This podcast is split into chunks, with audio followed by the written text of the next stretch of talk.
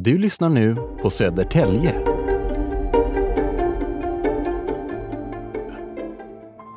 Utanför Mörkö, mitt i Himmerfjärden, i inloppet till Södertälje, ligger den. Ön. Som ett hinder mitt i farleden med sin märkliga natur som påminner om den på Gotland. Här trivs orkidéer och andra ovanliga växter. Här blandas hänförande havsutsikt med ett spektakulärt kalkstensbrott 35 meter djupt och numera sötvattenfyllt.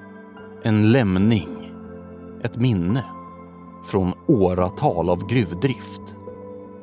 Kanske har det opraktiska läget bidragit till namnet på ön.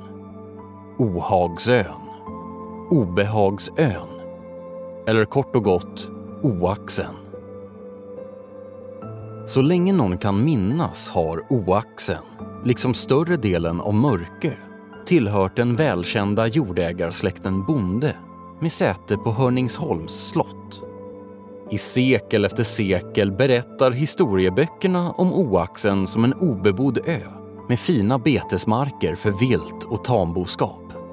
Men under de frodiga fälten och markerna lurar en hemlighet.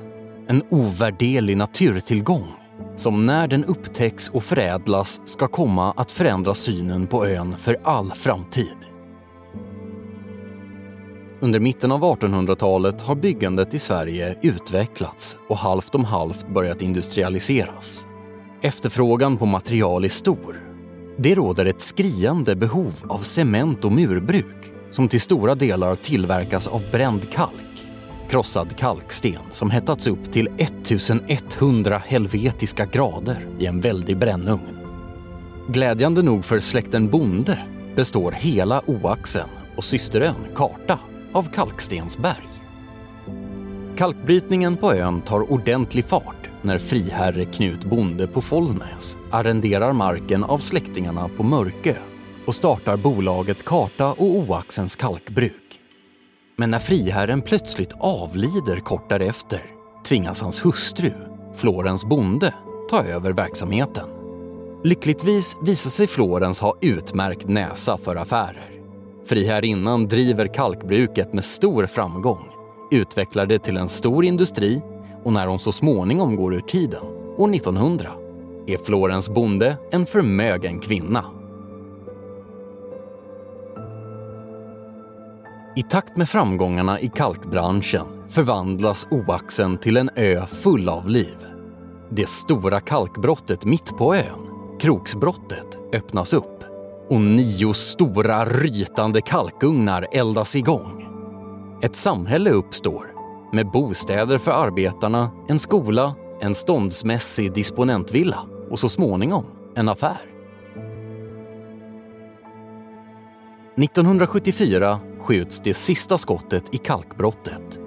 Brytningen läggs ner och tillvaron på ön förändras än en gång. Oaxen blir en plats för i huvudsak sommarboende och för en och annan seglare på jakt efter en trygg natthamn. Men allt tycks gå i cykler.